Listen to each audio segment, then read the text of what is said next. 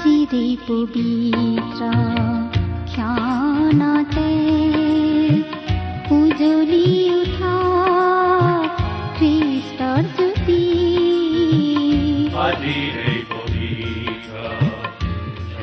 Bible অধ্যয়নৰ এই শিক্ষামূলক অনুষ্ঠান ভক্তিবচনলৈ আপোনাক ওলগ জনাইছো।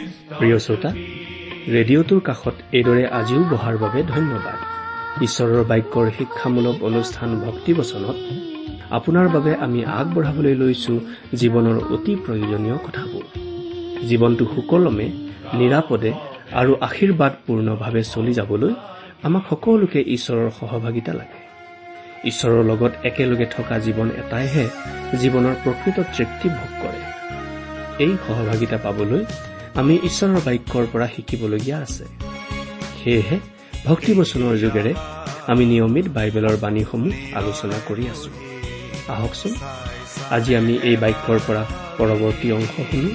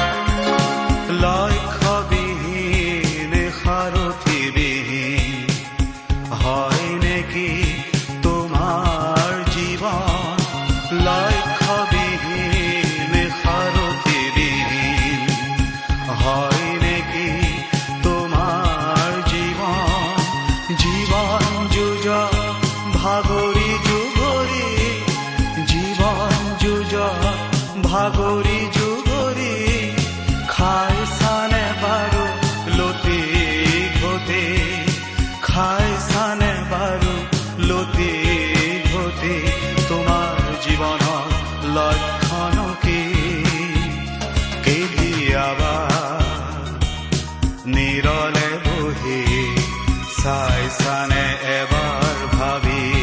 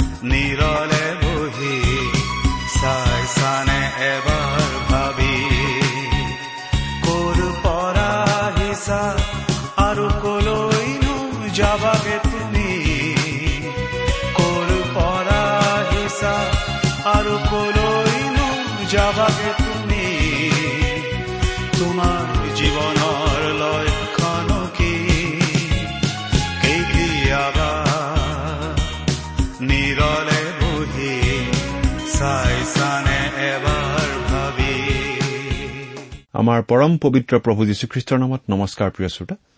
আশা কৰো মহান পিতা পৰমেশ্বৰৰ মহান অনুগ্ৰহত আপুনি ভালে কুশলে আছে। লগতে এই বুলিও আশা কৰিছো যে আপুনি আমাৰ এই ভক্তিবচন অনুষ্ঠানটো নিয়মিতভাৱে শুনি আছে আৰু আমালৈ মাজে সময়ে চিঠি পত্ৰও লিখি আছে। প্ৰিয় শ্ৰোতা আপোনালোকৰ পৰা চিঠি পত্ৰ পাবলৈ আমি আশাৰে বাট চাওঁ আৰু সেইবাবেই এই চিঠি পত্ৰ লিখাৰ কথাটো আমি বাৰে বাৰে সোঁৱৰাই দিওঁ।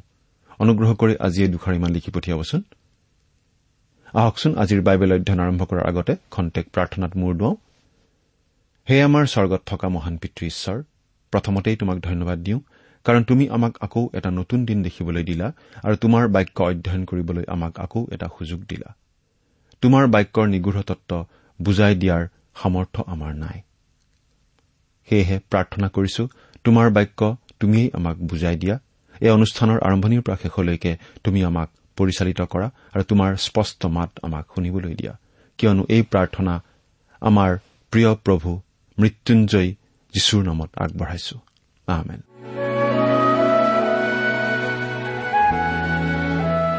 প্ৰিয় শ্ৰোতা আপুনি যদি আমাৰ এই ভক্তিবচন অনুষ্ঠানটো নিয়মিতভাৱে শুনি আছে তেনেহলে এই কথা আপুনি নিশ্চয় জানে যে আমি আজি ভালেমান দিন ধৰি বাইবেলৰ পুৰণি নিয়ম খণ্ডৰ যিচয়া ভাওবাদীৰ পুস্তক নামৰ পুস্তকখন অধ্যয়ন কৰি আছো। নহয় জানো? আমি একাধিক্ৰমে বাইবেল শাস্ত্ৰ অধ্যয়ন কৰি এতিয়া এই যিচয়া পুস্তকৰ দহ নম্বৰ অধ্যায় পাইছোহি। আজি আমি এই দহ নম্বৰ অধ্যায়ৰ এক নম্বৰ পদৰ পৰা ঊনৈশ নম্বৰ পদলৈকে আলোচনা কৰিম। এই যিচয়া ভাওবাদীৰ পুস্তকত আমি কিছুমান ভাৱবাণী অৰ্থাৎ ভৱিষ্যতবাণী পাই আছো। তাৰে কিছুমান ইতিমধ্যেই ফলিয়াইছে আৰু কিছুমান এতিয়াও ফলিয়াবলৈ বাকী আছে। আৰু ইয়াৰে প্ৰায় গোটেইবোৰ ভাৱবাণী ইছৰাইল জাতিক লৈ ঈশ্বৰে যিচয়াৰ যোগেদি জনাই দিয়া ভাৱবাণী আছিল। আজি আমি আলোচনা কৰিবলৈ লোৱা দহ নম্বৰ অধ্যায়টিৰ মূল বিষয়টো হৈছে অচুৰীয়াসকলৰ দ্বাৰা ঈশ্বৰে ইছৰাইলক শাস্তি দিয়াৰ পাছত আকৌ সেই অচুৰীয়াৰ সুধবিচাৰ মহাক্লেশ আৰু আৰ্মাগিদিনৰ যুদ্ধ। প্ৰিয় শ্ৰোতা আমি আগতেই কৈ আহিছো যে যিচয়া পুস্তকৰ সাত নম্বৰ অধ্যায়ৰ পৰা বাৰ নম্বৰ অধ্যায়লৈ আমি এলানি ভৱিষ্যতবাণী পাওঁ যিবোৰ ৰজা আহজৰ ৰাজত্বকালত যিচয়া ভাওবাদীৰ দ্বাৰা কৰা হৈছিল। আহজ এজন দুষ্ট ৰজা আছিল আৰু তেওঁৰ দুষ্টতাৰ কাৰণে অতি সোনকালে ইছৰাইলত কি কি ঘটিব সেইবিলাক আগজাননী দিছিল আৰু সেই ঘটনাবিলাকৰ লগত এই যুগৰ শেষত ঘটিবলগীয়া ঘটনাবিলাকৰ সম্বন্ধ আছে। বাইবেল শাস্ত্ৰৰ ভিতৰত এইটো এটা বিশেষ অংশ। কাৰণ ঈশ্বৰে মানুহ আৰু জাতিবিলাকৰ লগত কি ধৰণে কাৰ্যসিদ্ধ কৰে তাৰে এটি থুলমূল আভাস ইয়াৰ যোগেদি আমাক জানিবলৈ দিয়া হৈছে। অৱশ্যে তাৰ আগতে সেই সময়ৰ আদালতৰ চমু পৰিচয় এটি দাঙি ধৰা হৈছে যাৰ যোগেদি আমি সেই সমাজত চলি থকা অন্যায় আৰু অবিচাৰৰ বিষয়ে জানিব পাৰো। বিচাৰকসকল ঈশ্বৰৰ দৃষ্টিত কোন আৰু ন্যায় বিচাৰ নকৰা বিচাৰকৰ বিচাৰ যে ঈশ্বৰে কৰিব তাকো ইয়াত কোৱা হৈছে। আমি জানিব পাৰিম যে ঈশ্বৰে তেওঁৰ লোকসকলক অবাধ্যতাৰ শাস্তি দিবলৈ অচুৰীয়াসকলক ব্যৱহাৰ কৰিছিল। আৰু এইজন ৰজাই হল শেষকালৰ উত্তৰৰ ৰজাৰ ছবি যিজনে ইমানুৱেলৰ দেশৰ বিৰুদ্ধে যুদ্ধ কৰিব। সেই কালত বুলি কোৱাৰ দ্বাৰা যিচয়াই এই ঘটনাবিলাক যে শেষকালতো ঘটিব তাকে বুজাইছে। এতিয়া ন্যায় বিচাৰ নকৰা বিচাৰকৰ বিচাৰ যে ঈশ্বৰে কৰিব সেই বিষয়ে এক নম্বৰ পদ পাঠ কৰিছো শুনিবচোন। যিবিলাকে অন্যায় বিধি স্থাপন কৰে আৰু লিখকবিলাকে ক্লেশদায়ক আজ্ঞা লিখে সিবিলাকৰ সন্তাপ হ'ব।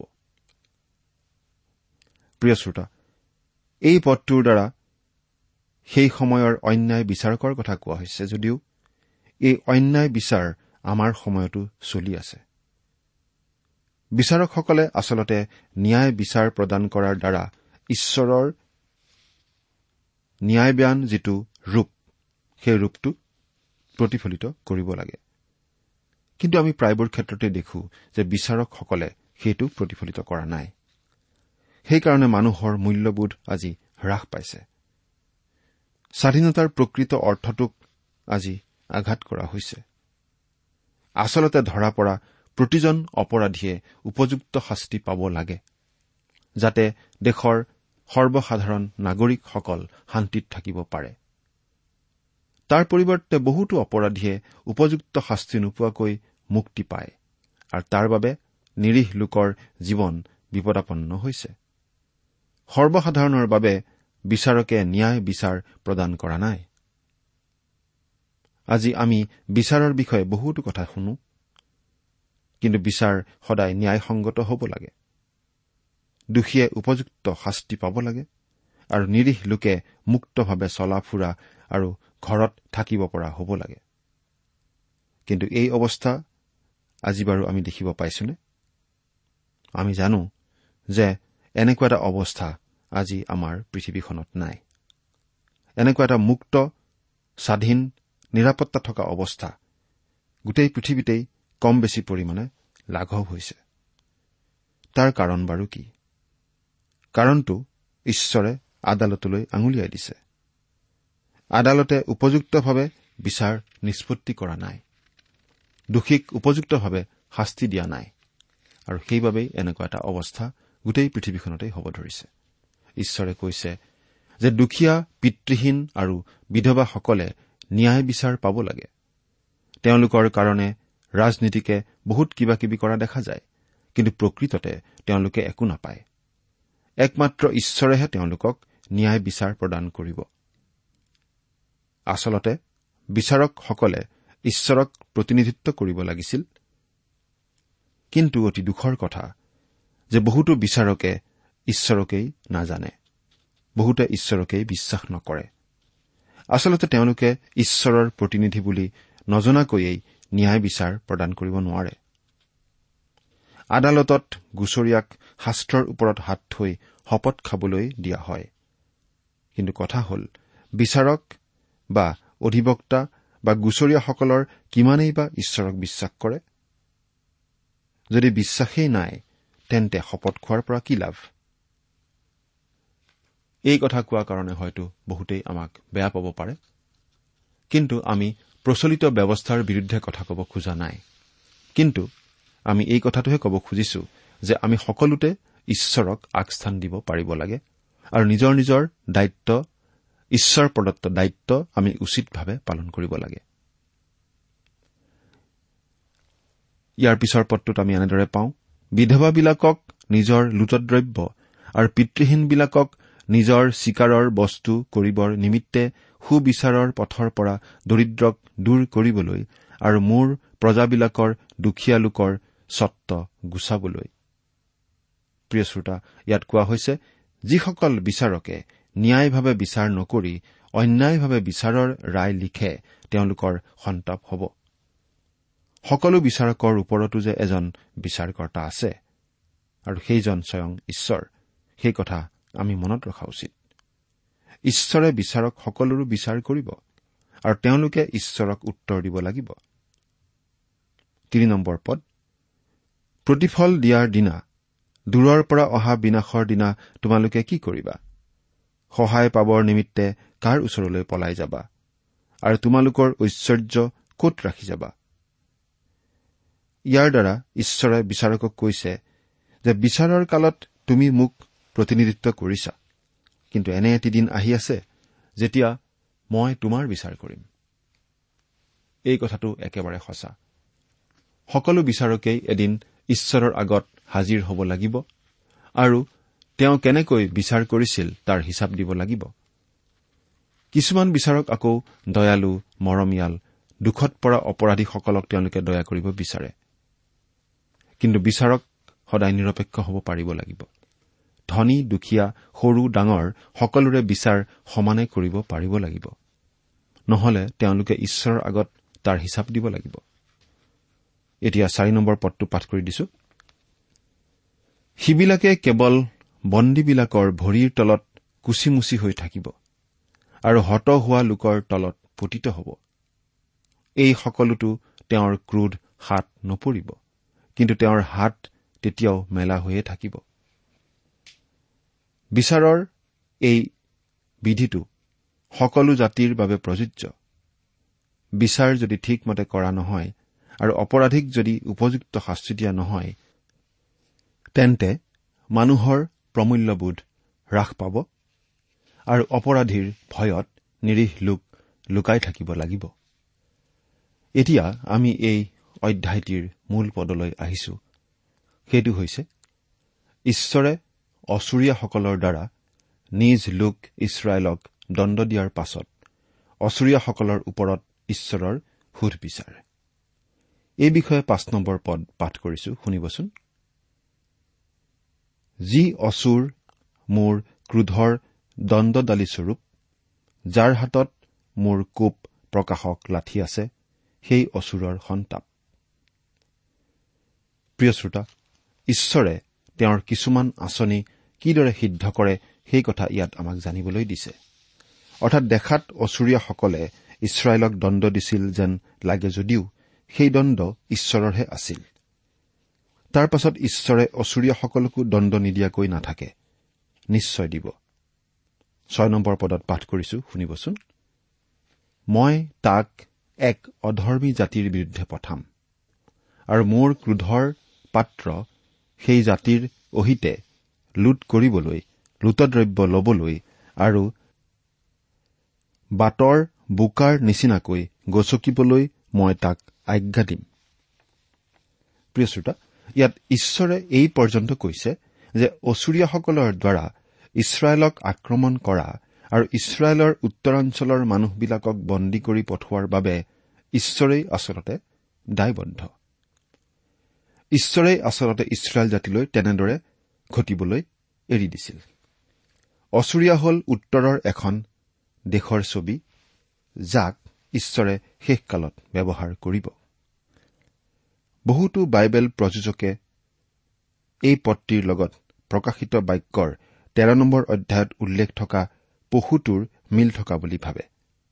কোৱা হৈছে যে সেই পশুটো সমুদ্ৰৰ পৰা ওলাব যিজন ৰোম সাম্ৰাজ্যৰ শাসনকৰ্তা হ'ব।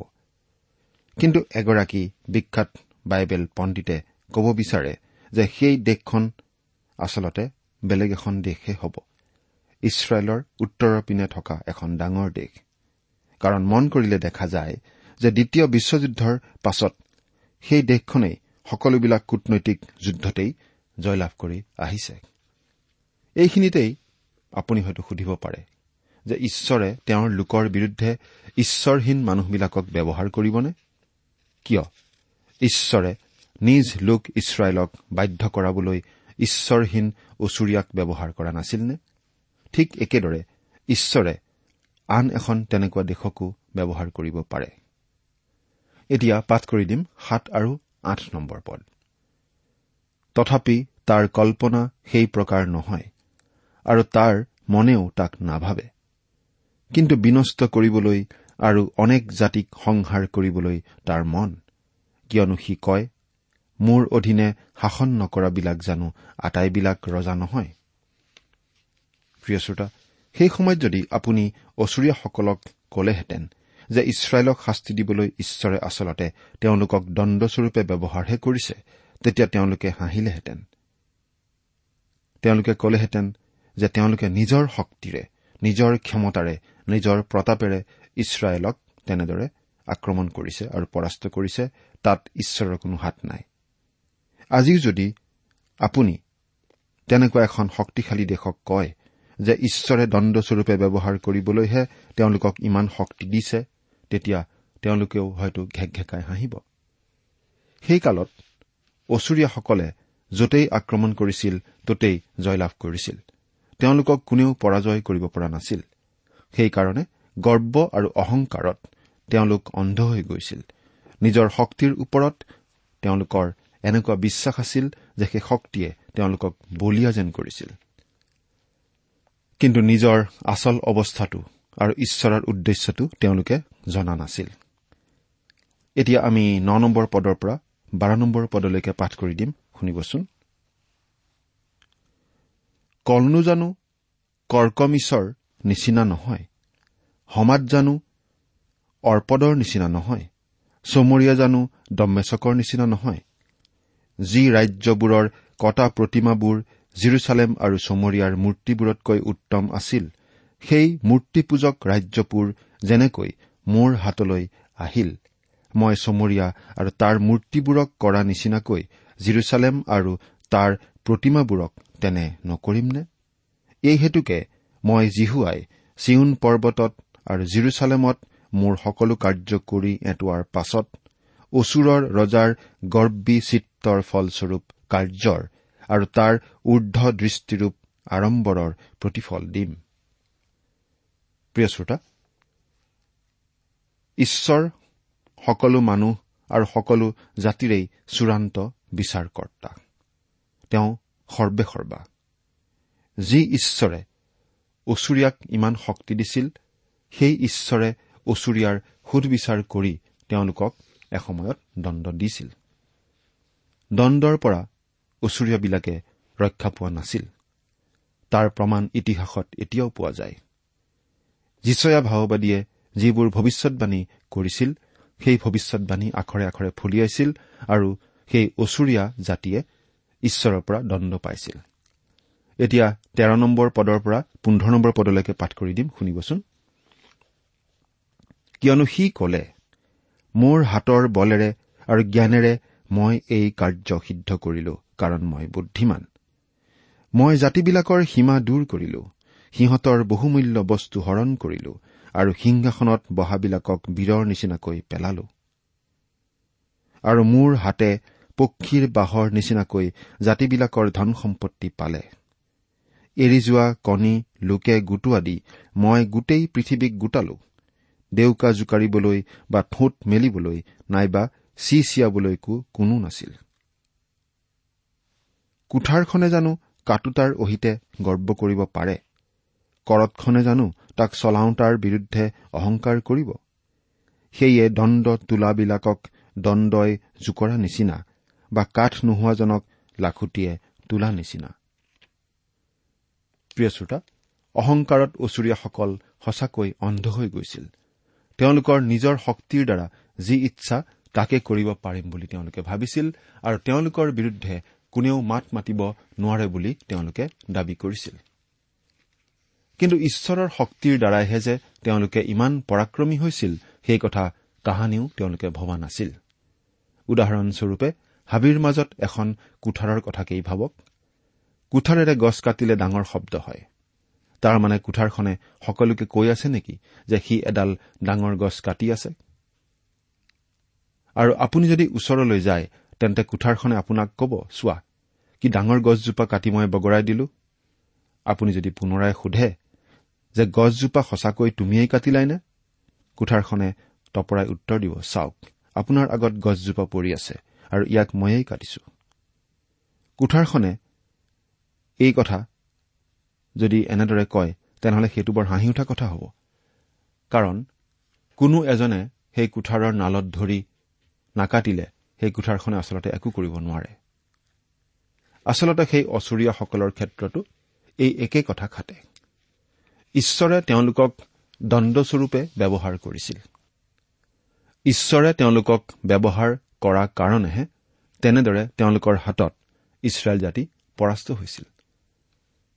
তেওঁলোকৰ দৰে ঈশ্বৰে আন আন জাতিকো নিজৰ উদ্দেশ্য সিদ্ধিৰ বাবে মাজে মাজে ব্যৱহাৰ কৰে। এই কথাটো সকলো মানুহ আৰু সকলো জাতিয়েই জনা উচিত।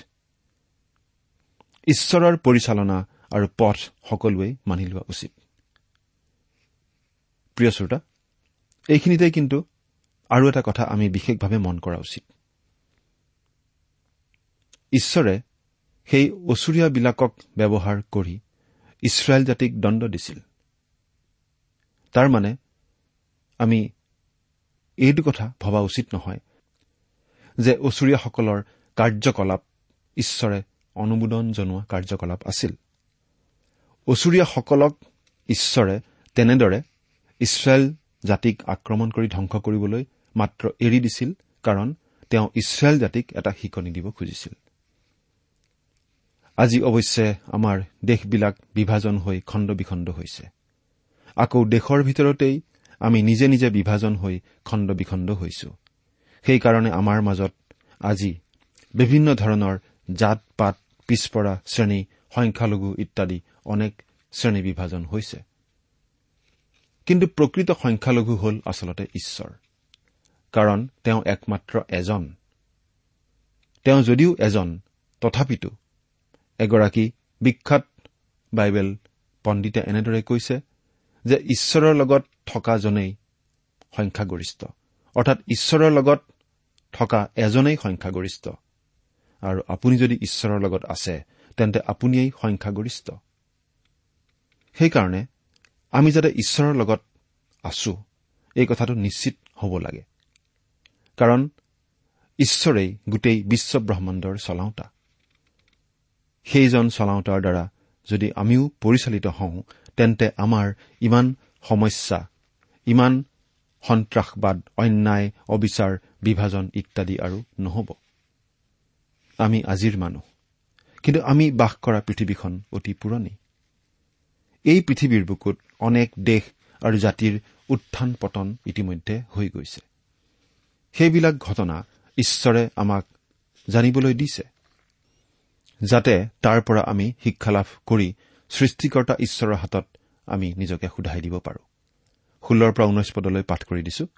এই হেতুকে প্ৰভুৱে বাহিনীবিলাকৰ প্ৰভুৱে তাৰ হৃষ্টপুষ্টবিলাকৰ মাজলৈ কৃষতা পঠাই দিব আৰু তাৰ ঐশ্বৰ্যৰ তলত অগ্নিয়ে পুৰা যেন হ'ব। আৰু ইছৰাইলৰ জ্যোতি অগ্নিস্বৰূপ হ'ব আৰু তেওঁৰ পবিত্ৰজনা শিখাস্বৰূপ হ'ব আৰু সেয়ে জ্বলি একেদিনতে তাৰ কাঁইটীয়া বন আৰু কাঁইট গছৰ হাবি ভস্ম কৰিব। আৰু তেওঁ তাৰ কাঠনিৰ আৰু তাৰ ফলবান উদ্যানৰ শোভা নিঃশেষে নষ্ট কৰিব আৰু নিচানধাৰী পতিত হলে যেনে হয় তেনে হ'ব। আৰু তাৰ কাঠনিৰ অৱশিষ্ট গছ ইমান তাকৰ হ'ব যে এটি লৰায়েই তাক লিখি থব পাৰিব। প্ৰিয় শ্ৰোতা যীশয়ে ভৱিষ্যৎবাণী কৰি গৈছিল যে ঈশ্বৰৰ ক্ৰোধে অচুৰীয়াহঁতকো হাবিৰ জুয়ে পোৰা দি পুৰিব আৰু ঠিক তেনেদৰেই ঘটিছিল। আজিলৈ আমি ইমানতেই সামৰিছো। পৰৱৰ্তী অনুষ্ঠানত পুনৰ লগ পোৱাৰ আশাৰে। ঈশ্বৰ আপোনাৰ সহায় হওক। নমস্কাৰ।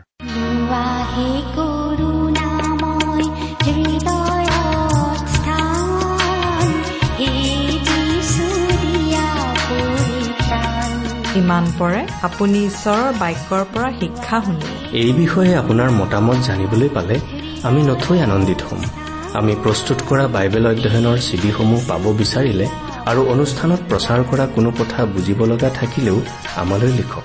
আমাৰ যোগাযোগৰ ঠিকনা ভক্তিবচন ট্ৰান্সপল ৰেডিঅ' ইণ্ডিয়া ডাক বাকচ নম্বৰ সাত শূন্য গুৱাহাটী সাত আঠ এক শূন্য শূন্য এক। ঠিকনাটো আকৌ এবাৰ কৈছো ভক্তিবচন ট্ৰান্সৱৰ্ল্ড ৰেডিঅ' ইণ্ডিয়া ডাক বাকচ নম্বৰ সাত শূন্য গুৱাহাটী সাত আঠ এক শূন্য শূন্য এক। আমাৰ ইমেইল এড্ৰেছটো হৈছে Assamese T TV at the rate radio' eight eight two dot com আমাৰ website W W W dot T W R dot in আপুনি টেলিফোনৰ মাধ্যমেৰেও আমাক যোগাযোগ কৰিব পাৰে আমাৰ টেলিফোন নম্বৰটো হৈছে nine eight five four zero' four zero' eight eight nine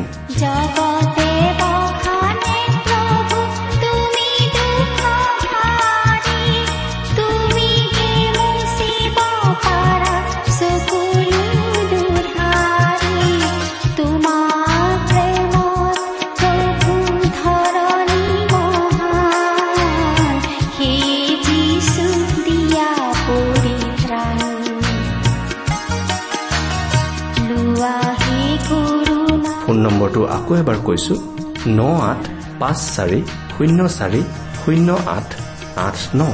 আপুনি এই ভক্তিবচন অনুষ্ঠানটি আমাৰ website W W W dot radio' eight eight two dot কমতো শুনিব পাৰিব। আজিৰ অনুষ্ঠানটি ইমানতেই সামৰিছো। ঈশ্বৰৰ শান্তি আৰু অনুগ্ৰহ আপোনাৰ লগত থাকক। ধন্যবাদ। পাপৰ কালি লগা যিখনি ধৰণি কালি